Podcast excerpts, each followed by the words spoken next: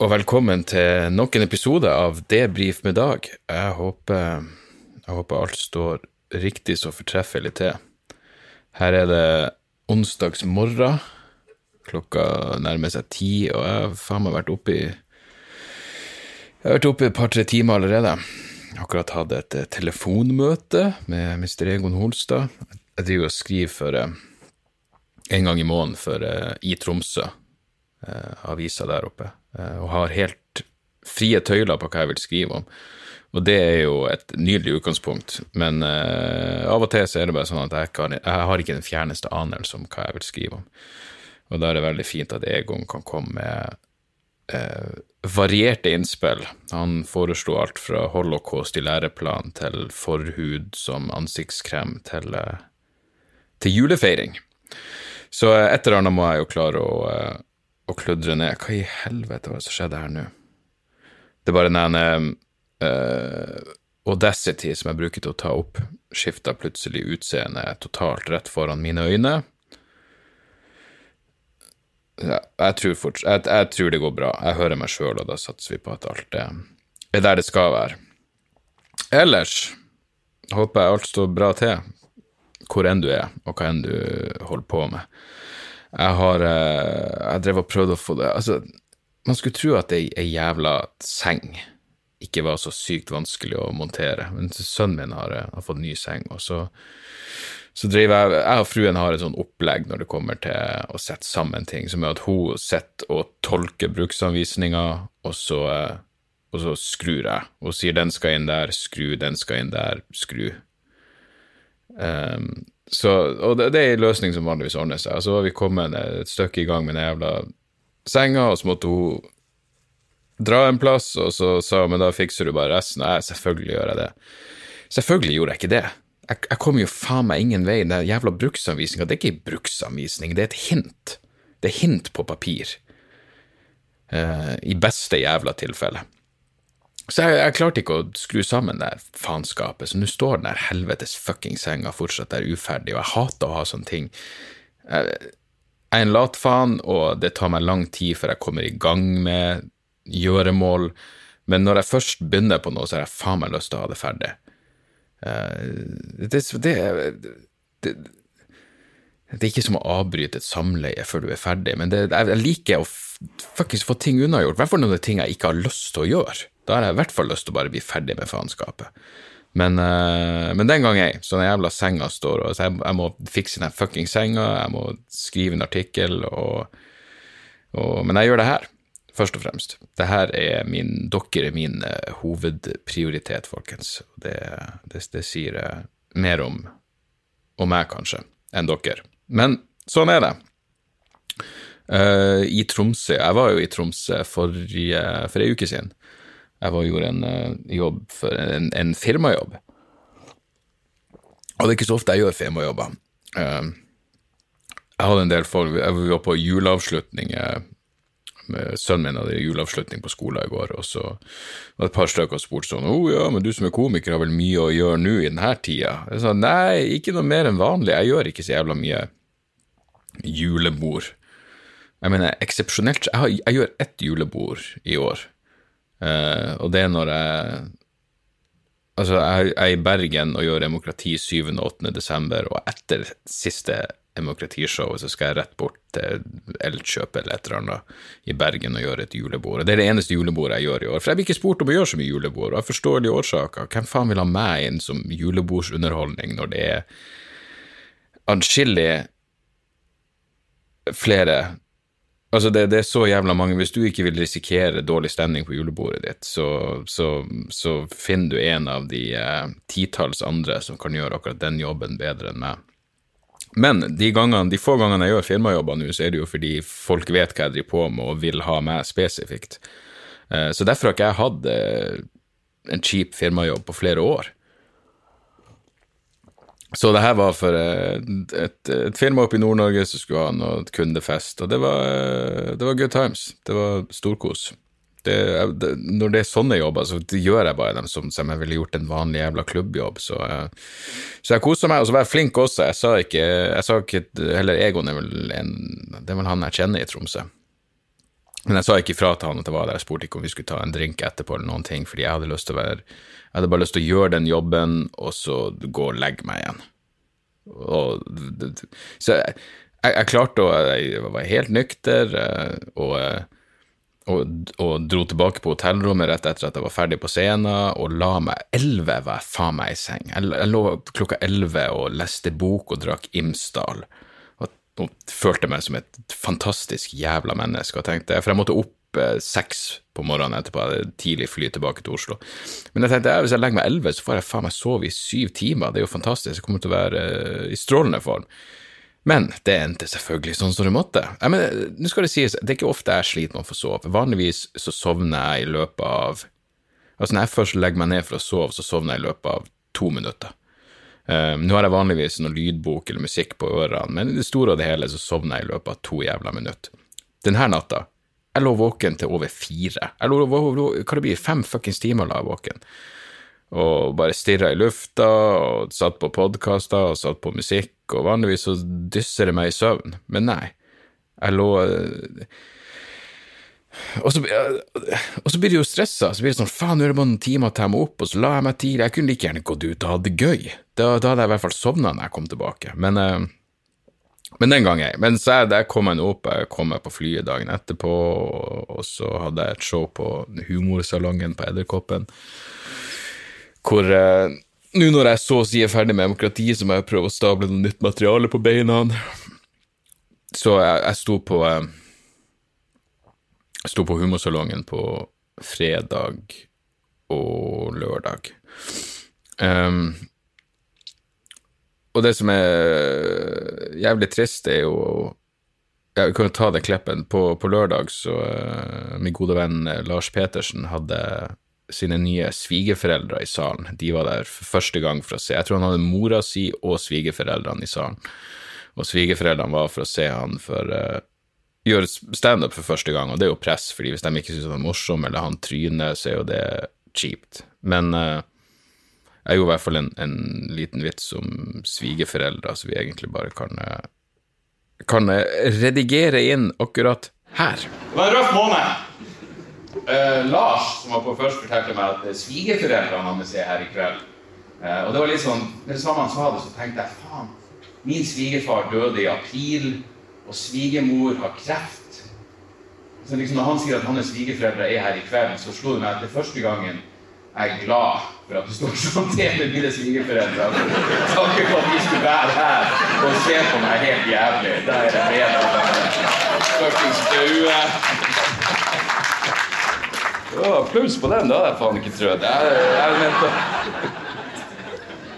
Jeg venta tomme blikk. Hva er det som foregår?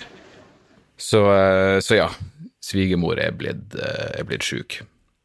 Eh, det er kreft, og det er spredning, og det er dårlig stemning. I går så Hun ble operert på, på mandag, og i går så satt jeg Det var, det var nedtrykksstemning, selvfølgelig. Og det var liksom ikke så mye jeg kunne gjøre for å muntre opp fruen heller. Så vi satt og prata, og så Men så plutselig så TV-en sto på i bakgrunnen, og da, da, begynte det et program på NRK som heter Jesus lever på Karmøy. Som uh, handler om uh, Svein Helge på 23 år, 23 år, som vil redde bedehuskulturen i uh, lokalområdet sitt.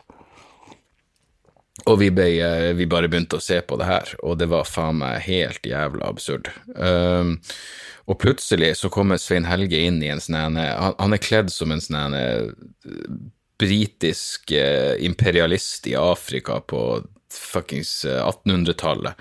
Og han kommer inn, og, og han, er, han, er, i karakter. Jeg er reist fra Madagaskar for å bringe Jesus inn i eder liv. Og da begynte både jeg og fruen å flire. Det var, det var det, som skulle til for at vi skulle få et smil om kjeften. Det var Svein Helge på 23 år som vil redde bedehuskulturen, som kommer inn i karakter som en fuckings kristen misjonær i Afrika og begynner å gjøre seg til. Og det, det programmet var, nei, det var, det var gøy. Det var jævlig gøy, og det var gøy å få, å få flire. Samtidig så skal det sies at det programmet visste faen meg at religion, mer enn å handle om overtro og, uh, og reaksjonær ideologi, så er det faen meg, i hvert fall i dette tilfellet, gud, det, handler så mye om samfunn og samhold, for alle de folkene på de ene små jævla bygden, hvor Svein Helge restaurerer bedehusene deres, og det er basar, og det er full fuckings pakke. Det, det er mye Jesus i monitor, men, men, mer enn Jesus tror jeg det er at de har ei unnskyldning, eller unnskyldning, en grunn til å, til å komme sammen. Så det skal religion ha. Uh, og det skal Svein Helge ha også. Men herregud, 23 år, og så jævla Så jævla gammel. Så inn i helvete gammel. Samtidig så var han realistisk. Han var liksom sånn Nei, jeg vet at det er en kultur som er i ferd med å dø ut. Den er i ferd med å dø ut. Det var en eller annen eldre faen fra Frelsesarmeen eller noe. Han, var, han liksom, han var, han var, mer sånn apokalyptisk, og det var avkrysning av Norge, og det her går ikke, det går ikke riktig vei. Hva går ikke riktig vei, for faen? Hvordan hva du dømmer deg etter? Men han mente selvfølgelig at uh, Jesus er i ferd med å forsvinne ut av livet, og det stemmer, og det er jo en bra ting. Men Svein Helge på 23 han var, han var, brutalt realistisk. Han sa det her er en kultur jeg har lyst til å berge, men den er i ferd med å dø ut. Og det må være rart å være så ung og så opptatt av noe som er i ferd med å dø en naturlig, en naturlig død. Men i hvert fall, han ga oss en god latter, uh, og, uh, og hei, Jesus har gitt meg en god latter. Svein Helge ga meg en god, jat, god, god, god jatter, så, uh, så, skål for han. men ja, det er jævlig kjipt at det, Sånn er det. Jeg, jeg tenkte Jeg har fått ganske mye når vi først er inne på det det mørke og deprimerende og døden. Et par mailer som jeg ikke Nå har jeg selvfølgelig fuckings lukket igjen den jævla gmailen. Um, når jeg sier, sier, sånn, så der har dere min interne monolog. Passiv-aggressiv kjefting på meg sjøl. Skal vi se. Jeg får ganske mye mailer. Fått mye mailer den, den siste uka, og det er jo veldig trivelig. Men det var et par som jeg bare som er kommet for noen uker siden, som jeg arkiverte bare fordi det var Det ble så mye døden i stund, men det var Her er en kar som kunstner seg se humoren i ting, vil gjerne være anonym. Hei, Dag. Først, denne mailen blitt kasta sammen da jeg gikk fra, hjem fra butikken med poser i hendene. Beklager for eventuelle, eventuelle usjarmerende stavefeil som følge av dette. Du, det finnes ikke usjarmerende stavefeil. Stavefeil smelter ethvert hjerte. Um, så sier han takk for en utrolig god, sjarmerende og for meg hjelpsom podkast. Jeg har per dags dato nettopp begynt å høre på den, så jeg er vel to måneder bakpå. I tidligere episoder har død vært et tema, og grunnet både din og felles lytteres samtaler om temaet har jeg fått enda mer ro og selvtillit rundt egen livssituasjon og min egen framtid. Jeg skal ikke dø, far og mor derimot er død og døende. Ka-ching!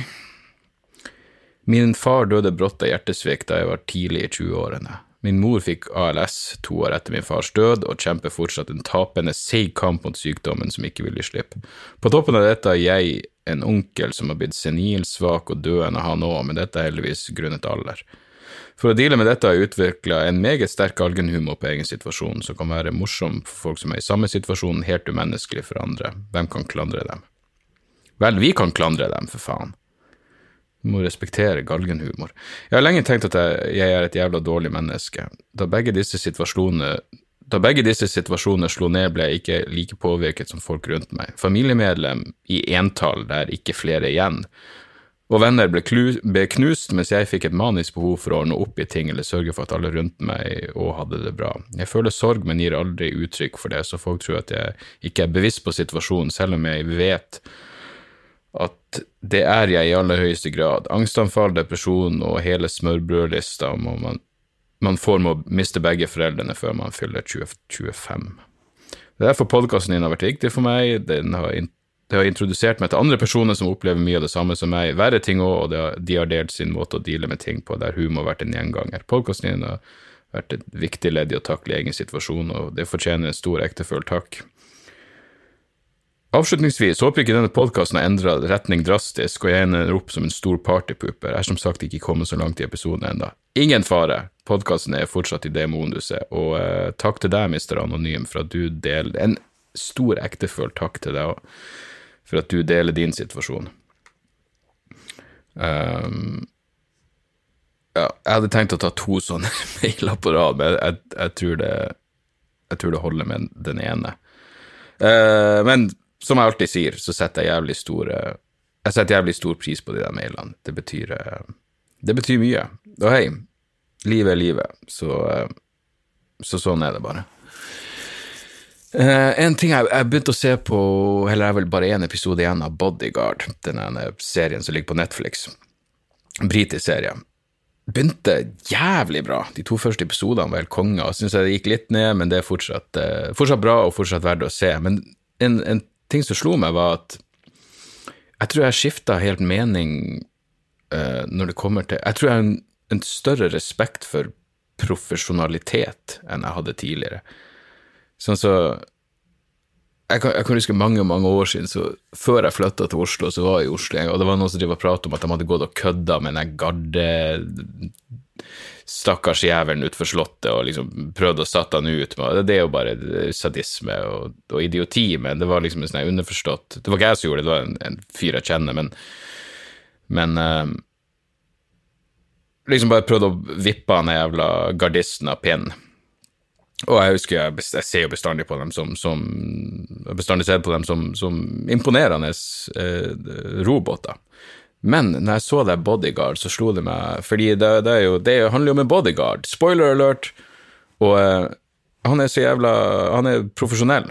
Jeg mener, av og til så, så slår han tilbake når, eh, når folk slenger med leppa, og det, det, verdsetter jeg jo. Men i det store og det hele så er han veldig profesjonell, og jeg fikk en sånn respekt for, det det at du faktisk For jeg hadde en eh, Det kom en fyr fra Sektor Alarm her og måtte fikse et eller annet på alarmen. Og så, og så kom han inn og spurte selvfølgelig om han ville ha en kopp kaffe, og så sa han nei takk, veldig høflig, og så var han bare veldig strukturert og profesjonell og robotaktig i sin måte å, sjekke opp ting, og så var han høflig, og så gikk han. Og etterpå tenkte jeg faen, jeg respekterer det. Jeg liker I visse situasjoner så, så, så, så trenger du bare å være profesjonell. Vi trenger ikke å ha en sånn vi trenger ikke å ha en dyp mellommenneskelig relasjon i ethvert jævla tilfelle. Jeg mener, som jeg har sagt før, jeg er veldig opptatt av Eller veldig opptatt av, men jeg er bevisst på å, å se Når jeg er på butikken, så ser jeg kassapersonen i øynene, bare for å anerkjenne at det faktisk er et menneske på andre sida av kassa. Og, og, i dette tilfellet òg, så er det ikke som, det ikke som om han var uhøflig eller noe, han var veldig høflig, men, men, av og til så liker jeg liksom Jeg skal gjøre det og det og det, og så skal jeg, da er jeg ferdig. Ja, jeg tror, jeg tror, jeg har respekt for profesjonalitet, til tross for at jeg vil ha meg frabedt og noen gang bli kalt profesjonell på noen måte. Så, så, så er det et eller annet med det som jeg, som jeg respekterer. Og serien er fin, absolutt. Absolutt verdt å, verdt å sjekke. Og um, er det noen som vet han er en um, kjekkasen som har hovedrollen? Fordi jeg satt og så den, og så tenkte jeg faen, jeg tror faen meg han er like grå i håret som jeg. Han er mer grå i håret enn jeg, er han ikke det? Og så begynte jeg å google han, hvor gammel er han, og så fant jeg ut at han er født i 1986, som gjør han Åh, fuck. Åtte år yngre enn meg, som betyr at han må da være 32 år. Så tenker jeg fuck, er han 32 og så grå i håret? Og da føler jeg meg bedre over hvor grå i håret jeg er. Men så, når jeg så bilder av han på nettet, så var, da var han ikke så grå i håret. Så jeg lurer på, har de gjort han grå i håret til rollen i Bodyguard, siden han liksom skal spille en fyr som har vært i Afghanistan, og han har Eh, jeg vet da faen. Hvorfor skulle de gjøre han grå i håret? Fordi, fordi det gir han eh, det gir han tyngde som, eh, som karakter. Han, han, er en traumatisert person, og da kan du jo faen ikke ha Da, da, da bør det være litt, litt, grått oppi der. Uansett, min episode av Jeg fikk akkurat mail fra NRK om at min episode av Latterlig smart er ute på nettet. Den skulle etter planen gå på NRK1 klokka 19.45 i kveld, men fordi det er ekstraparti i eh, sjakk, så er det forskjøvet. Så den vil ikke gå lineært før neste onsdag. Men eh, hvem faen bryr seg om det? Du kan gå inn på NRK-appen, eller bare google NRK latterlig smart, så vil du finne min, eh, min episode fra Kasakhstan, som handler om at eh, jeg er i, eh, jeg i Kasakhstan i uke, og så, eh, og så, skal jeg gjøre og lære om svartedauden og svartedaudens opprinnelse, og så skal jeg gjøre et standup-sett om det etterpå. Og det var, en, eh, det var en jævlig kul tur. Det som skjedde, var jo at de i alle de andre episodene så fikk, så fikk komikerne um, De fikk temaet sitt ei uke før de skulle på tur. Uh, men fordi min tur klaffa perfekt med NRK-streiken, så var det ikke sånn at jeg fikk temaet mitt. Faktisk, vi skulle reise på en mandag, og på fredagen før så visste ikke jeg om det ble noe jævla tur. Eh, så ble NRK-streiken avblåst i løpet av fredagen, og så var de sånn fuck it, vi, vi, hvis det er greit for deg, så får du bare temaet ditt rett før du går på flyet på mandag. Så da ble det sånn. Eh, jeg fikk bokstavelig talt svartedauden som tematikk. Når du ikke ser det Nå har ikke jeg fått sett programmet, men jeg, jeg tro det, det, var sånn det var. At, at det var rett og slett her er professor Nils Kristian, og her er tematikken svartedauden, og nå kan du gå på et fly til Kasakhstan. Jeg visste jo at jeg skulle til Kasakhstan, men, eh, men jeg visste ikke hva, hva, tematikken var. Og eh, jeg er faktisk jævlig spent på å se hvordan det her ble, fordi eh, det var en jævlig kul tur, og spennende tematikk. Og det var nesten, jeg tenkte sånn, hvorfor faen har ikke jeg snakka om svartedauden tidligere? Det her er jo Det sier seg jo sjøl at det, det var noen Og så respekterte jeg respekterte Faen, hvor mye jeg respekterer for tida. Jeg likte at de NRK-folkene stolte så jævla på meg. Altså, fordi når vi dro nedover, så var det jo det var lang reise nedover, og, og jævlig lange dager. Så det var jo null tid til å skrive materiale eh, på kvelden. Altså, på kvelden så var jeg jo Da tok vi oss noen pils, og så gikk vi og la oss. Og jeg husker jeg tenkte når det var eh, så vi, vi dro på mandag, og så ble standupen filma på en fredag. Sånn var det, vi var fem dager i Kasakhstan. Og på torsdagskveld så, så, spiste vi middag, og jeg husker jeg tenkte, har de noe materiale i bakhånd? De stoler virkelig på at jeg bare klarer å skrive noe faenskap eh, på flyturen hjem, for det var det jeg endte opp med å gjøre. Jeg hadde ikke noe overskudd eller tid til å Altså, det var opp tidlig på morgenen, og så var det ut på fuckings turer, og pest og rotte og helvete, og så var det tilbake relativt seint på kvelden, det var å spise middag, og så var det bare krasje og prøve å samle seg til, da, til neste dag. Så jeg endte jo opp med å faen meg skrive absolutt alt materialet på, på flyturen hjem. Og jeg husker på flyturen hjem så tenkte jeg da blir det i hvert fall sånn, her må jeg bare konsentrere meg, nei da, vi vi drakk jo og kosa oss, og det var jo mellomlanding i Tyrkia og lounge og full pakke, da måtte man jo kose seg. Så, men det ordna seg.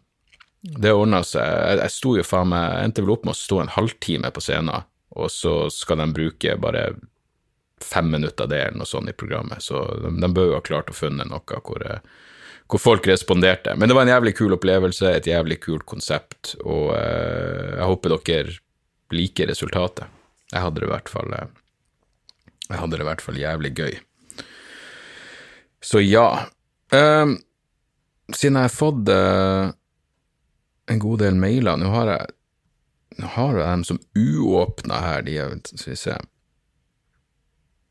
Andreas skriver ymse. Hei, Dag. Hører nesten aldri på podkast, men akkurat deg klarer jeg å sette av litt tid til.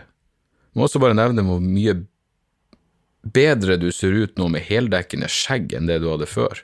Så hadde jeg live for første gang på Rockefeller for to uker siden, og det var et meget behagelig skue. Sier du det? Det var hyggelig å høre. Jeg angrer på at jeg ikke bare fikk skjegg for lenge siden. Burde, man burde dekke til et kjedelig tryne. Uh, mitt spørsmål til deg er, hvordan er det å reise så mye rundt? Noe stress eller bare gøy? Det er egentlig ikke noe stress å reise rundt. Nå har jeg gjort det her i hvor enn lenge. 15 år har jeg vært standup-komiker og reist mye rundt. Så jeg, det er faktisk noe jeg har tenkt på når folk blir slitne sliten av å reise, så er det sånn, hvordan i faen blir man sliten av å bare sitte der og henge? Du sitter på en buss eller et fly eller et tog eller hva enn det hvorfor blir du sliten av det? Jeg vil tro det er fordi hjernen tar inn mye inntrykk. Men når du reiser mye, så slutter hjernen å ta inn de inntrykkene. Jeg mener, jeg kan gå i totalt koma, total autopilot. Jeg kan komme fra huset mitt til uh, hvor enn jeg skal, på total autopilot, fordi jeg har bare det å komme seg på Det å komme seg til Gardermoen og komme seg til fly, alt det der, det går eh, Det går på ren automatikk. Eh, så stress er det sjelden. Eh, bare gøy. Ja, det er gøy når man er på tur med flere sammen. Jeg mener, det er gøy når, når jeg, jeg, og Steven er på, på turné, så er det selvfølgelig gøy. Når jeg har med meg en annen komiker og, eller reiser med flere, så er det gøy. Sånn som jeg drar til Tromsø alene, det, det, er jobb. Det er virkelig fuckings jobb i, i ordets rette forstand. Um, det er ikke stress, men det, det er mer jobb enn gøy. Så, men, men, stort sett, det kommer litt an på hvorfor, hvorfor man reiser, men, uh, men du, man blir vant til det, og jeg liker hotell. Jeg liker å dra på hotell, og uh, jeg, jeg, jeg, har, jeg har mine rutiner, og jeg vet hvordan jeg skal gjøre det levelig for meg å reise. Så um, Skal vi se, nå gjorde jeg faen meg noe feil her. Ok. Tor Christian skriver 'sekkefetisj'. Hei, hei, Dag. Takk for en herlig podkast. Avslappende å høre på deg prate om alt mulig, samtidig som det kommer gode drypp av kulturtips, mørk humor, morsomme drikkehistorier og politikk. Perfekt. Takk. Uh, da, da, da. Hører også på Dialogisk, og der er det snakk om at du har en bag sekkefetisj. Jeg er også det. Jeg leter stadig etter sekken med de, perfekte lommene hvor jeg kan dytte inn alt mulig for å være mest mulig beredt i hverdagen. Men nå har jeg gjort et karrierehopp og tenkt å ta steget over til en skulderbag. Sekken ble for traust i mitt nye arbeidsmiljø. Har du tips på hva jeg burde kjøpe? Hvilke merker er din favoritt? Bagen må kunne romme en laptop og plass til minimum skrivesaker, hansker, kortnøkler med mere. Setter enorm pris på alle tips. Alt det beste. Hilsen Tor Christian. Du, Tor Christian, nå har du kommet til rette mann. Jeg, jeg, kan sitte og se fuckings YouTube-videoer med testing av sekker i timevis. Um, og jeg har i høyeste grad en favoritt. Det er noen som heter Chrome Industries. Um, da jeg var i San Francisco for noen år siden, så vandra jeg bare tilfeldigvis inn på en av butikkene deres og kjøpte meg en uh, en skulderbag, eller Altså, jeg trodde det var en sånn eh, klassisk skulderbag over skuldra, men det var en eh, hva det heter, messengerbag, altså sånn som går hva faen, den går på skrå over skuldra. Er, ja, du vet hva jeg mener, du googler messengerbag, sånn som sykkelbud har, det er vel der, derav navnet. Uh, men de, de, lager så inn i helvete kvalitet. Jeg har kjøpt altfor mye, både både skulderbager og sekker hos Chrome Industries. Eh, jeg kjøpte akkurat en ny skulder, skulderbag, messengerbag, fra uh, Mission Workshop. Uh, Mission ble starta av en fyr som jobba i Chrome Industries, som slutta der og starta sin egen greie. Og jeg liker den Mission Workshopet også. Jævlig, det er jævlig sånn high end og kvalitet. Det var, det var de, da jeg og Hans Magne var i Los Angeles og bare av, avbrøt eh, den planlagte turen vår ned til Da skulle vi til en Mission-butikk. Eh, men det ligger jo i The Mission i LA, som er et røft område med mye hjemløse. Så eh, hvis du vil høre mer om det, så kan dere høre den episoden som eh, Det var en tidlig episode, jeg tror episode to eller tre, fra LA. Men i hvert fall, så Chrome Industries er mine favoritter min absolutte favoritt på når det kommer til sekker og skulderbager. Jeg vil anbefale noe fra dem, men Mission Workshop er også, eh, også kvalitet. Jeg har også en sånn liten en sånn liten bag fra Chrome som, som, er perfekt hvis du bare skal Hvis alt du trenger å ha med deg er et par hodetelefoner og ei vannflaske eller lommelerke og ei bok, så er det plass til akkurat det akkurat det lille som man måtte trenge. Så jeg har til faen meg alle størrelser, alle turer. Jeg har en egen bag for å gå når jeg går og handler på butikken.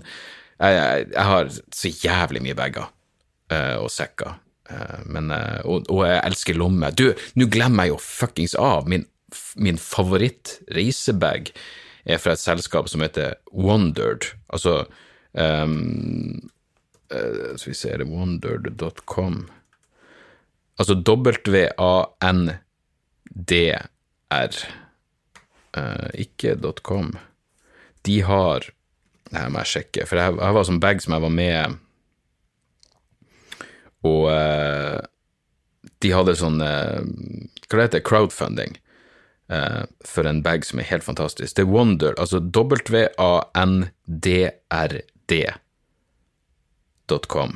Jeg har én sekk fra dem, og så har jeg min favoritt-reisebag er noe som heter Hexad Duffelbag fra Wondered. Uh, den er helt fantastisk. Uh, går som håndbagasje, men har plass til så jævlig mye at du kan sikkert være borte en fire-fem dager eh, og ikke ha noe annet enn den sekken med. Den funker som sekk, den funker som bag, den har alle de fuckings lommene du kunne drømme om. Åh, jeg elsker den jævla bagen. Det er faktisk sånn at Da slo jeg meg til ro. Jeg var sånn, hei, jeg trenger ikke flere reisebager, jeg har den her jævla heksad duffelbagen. Og den kommer i forskjellige størrelser, og du kan kjøpe accessories og ekstra stropper, og det, det er gull. Og, det, og lommen er så jævla funksjonell. Her kan jeg legge de tingene som jeg må ta ut i sikkerhetskontrollen, her kan jeg ditt og datt. Det, det, optimalt. Så det er min, min favoritt. Reisebag kommer fra Wondered. Min favoritt, mine favorittsekker og, eh, og skulderbager kommer fra Chrome Industries. Så eh, ja, som dere skjønner, det her kunne jeg faen meg prata om uh, en evighet, men det er sikkert ikke så mange av dere der ute som deler den spesifikke fetisjen. Så, Andreas, Taffelstandup 2004. Jeg vet at dette er et merkelig spørsmål, men jeg, jeg har forstå... Nå skal du tro. Jeg vet dette er et merkelig spørsmål, men et jeg forståelig nok ikke kan google meg frem til svaret på. En fuktig høstkveld i 2004 vandret min bror og jeg gjennom Trondheim sentrum på jakt etter et sted å feire.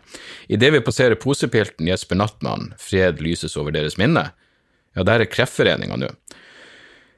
Uh, uansett, uh, idet vi passerer posepilten Jesper Nattmann, ser vi en plakat om at det er taffelmusikk denne kvelden, og som et lite krydder skulle det også være standup med lokale komikere. Kombinasjonen av småcheap taffelmusikk og humoristiske amatører var såpass merkelig at vi bare måtte teste det ut. Musikken var som passe jævlig, og det var for så vidt de fleste av komikerne også, men stemninga var likevel på topp. Det eneste jeg husker som passer fra denne fuktige kvelden for snart to tiår siden, var en morsom fyr som snakket om pornofilmer, konsekvent uttalt som porn pornofilmer, som satt fast i videospilleren, og hvor merkelig det var at Harald Mæle var den norske Darth Vader i kassettboksen fra 80-tallet. Kan dette ha vært deg? Nå må jeg bare si fuck you, Andreas. Uh, jeg var sikkert der den kvelden. Uh, posepilten Jesper Nattmann, jeg pleide å stå der. Var, jeg bodde jo rett over gata. Mm, og, og pornofilmer som sto fast, fast i videospilleren, det var helt sikkert meg. Men Harald Mæle som den norske Darth Vader, det var jo for faen hva Det var jo han som dreiv Standup Trondheim, som hadde den vitsen. Og hadde Nei, det var, det var ikke meg. Uh, og jeg vet ikke helt hva jeg skal si til at du trodde det var meg. Men eh, takk for oppmøtet i 2004. Da hadde jeg vel drevet med standup i to år, og, og jeg vil tro jeg sugde maksimalt. Um, jeg se på tida her. Faen, ja. Ok, men vi tar det her var en mail som jeg leste tidligere, som jeg bare elska, som jeg må ta den med dere, som kom, som kom denne uka, fra Akutt syk humor. Uh, Hei, blir litt uh, takk, uh, bla, bla, bla. Jeg er så heldig at jeg jobber på en akuttpsykiatrisk avdeling på Østlandet, og der skjer det jo en del spesielt på daglig basis, kan man trygt si. Selv så mener jeg å ha en relativt mørk humor, noe som sikkert kan komme fra mange år med Bill Hicks, Doug Stanhope og ditt materiale, men det er vel min sans for mørk humor som ofte får meg gjennom en del av darknessen som foregår på akuttpsykiatriske avdelinger, for det er uten tvil en del tragiske skjebner som kommer inn dørene der. Anyway, en dag så klarte en pasient å rømme naken ut av min avdeling, og man skulle tro at det var for å stikke av, men nei da, pasienten som for øvrig var særdeles overvektig, løp ut og la seg ned i en stor gjørmepytt og rulla rundt som en skikkelig gladgris og lagde griselignende lyder kombinert med skrikende vers fra Johannes' åpenbaring. Fuck yeah. Så som helsepersonell i psykiatrien så skal man jo være profesjonell og takle enhver situasjon på en faglig og ansvarlig måte, men dette ble tydeligvis for mye for min mørke hjerne, for jeg klarte ikke annet enn å flire og flire og flire. Flira såpass mye at andre kolleger rett og slett måtte ta over mens tårene mine trillet mens jeg lo ræva av meg. I retrospekt så innser jeg at min opptreden var noe uprofesjonell, kanskje et tegn på at jeg mangla en god person empati, selv om jeg på et personlig plan mener jeg hadde det midt på det tørre. Hvor går grensa for mørk humor, går det egentlig noen grense? PS vil være anonym, siden jeg ikke ønsker at noen skal koble denne hendelsen til pasientens identitet grunnet taushetsplikt. Uh, sa jeg navnet? Da skal vi i så fall pipe det ut. Uansett, jeg fuckings elsker han der mailen. Og du, det, hei, nå sa jeg at jeg res, respekterte profesjonaliteten til bodyguarden og, han er det fuckings uh, uh, alarmmannen som var hjemme hos meg, men kom igjen, du er ikke uprofesjonell her, du er et medmenneske. Det han gjør er jo gøy. Hvis en feit faen ruller rundt i gjørme mens han siterer Johannes' åpenbaring, så er det objektivt moro, og det er ingen mangel på empati eller profesjonalitet, og du faktisk flirer.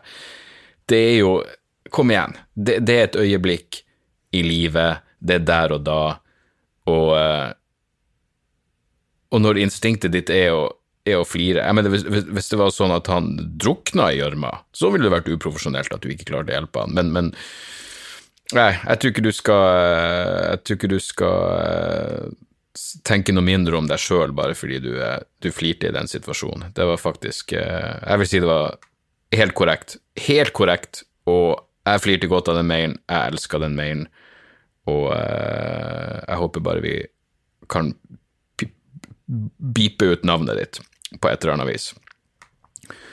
Å, Johannes' åpenbaring. Fy faen, jeg lurer på hvordan Svein Helge på 23 som vil redde bedehuskulturen, hva han ville sagt hvis han så han der fyren rulle rundt i eh, Hvis han så en, en felles trosfelle rulle rundt i gjørma på den måten.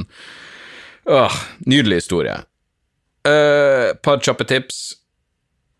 The Butterfly Jeg kan ikke skjønne Jeg elsker jo John Ronson, en av mine favorittforfattere og journalister. Uh, so You've Been Publicly Shamed og The Psychopath Test spesielt, det er jo fantastiske bøker. Men han har jo en, har jo en podkastserie som vel er fra i fjor, tror jeg, som heter The Butterfly Effect, som handler om hvordan uh, gratis streamingporno har forandra internett. Hvorfor har ikke jeg hørt på det før? Jeg elsker John Ronson, jeg elsker teknologi. jeg har en forkjærlighet for porno også, og det her i kombinasjon, allikevel har jeg ikke fått med meg det her før nå.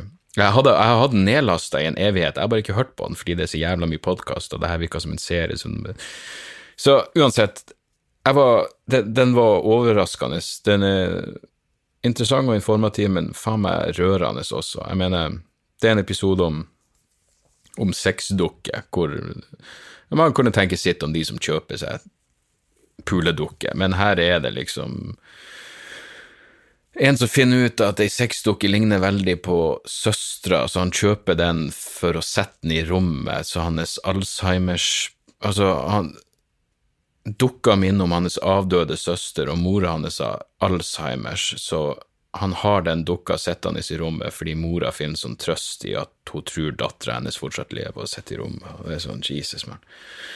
Jeg måtte tørke en tåre flere ganger i løpet av den podkastserien, og noen har sånn sex et minne om deres første kjærlighet. Det John Ronson er så jævla god til å fange ja, det menneskelige i, uh, i, i situasjoner som hvor man fort kan være tilbøyelig til å bare latterliggjøre eller kritisere. Han er, han er, en bra person, så hvis dere ikke har hørt The Butterfly Effect, så, så kan den anbefales. Ellers på musikk, musikkfronten, jeg har sånn opp og ned av og til. Jeg har perioder hvor jeg bare hører på black metal, og så hører jeg bare på country, og nå er jeg inne i en liten country. Så hvis dere liker americana, country, ja, alle de godguttene som jeg liker, som, som, etter hvert begynner å bli veldig kjent, jeg mener Jason Isbell, Sturgill Simpson, John Morland, alt det, men jeg kom over Cody Jinks han har en fyr som heter eh, En fyr, ei plate som heter Lifers. Og hvis dere liker den sjangeren der, så tror jeg dere kommer til å like den plata. Uh, han har blant annet en låt som heter et eller annet med whisky, Must Be The Whisky, tror jeg, som er uh, jævlig kul. Uh, jeg liker den. Den kan anbefales. og i tillegg må jeg jo tipse om The Good, The Band, The Sugly har en ny liten singel ute. Roy D. Story.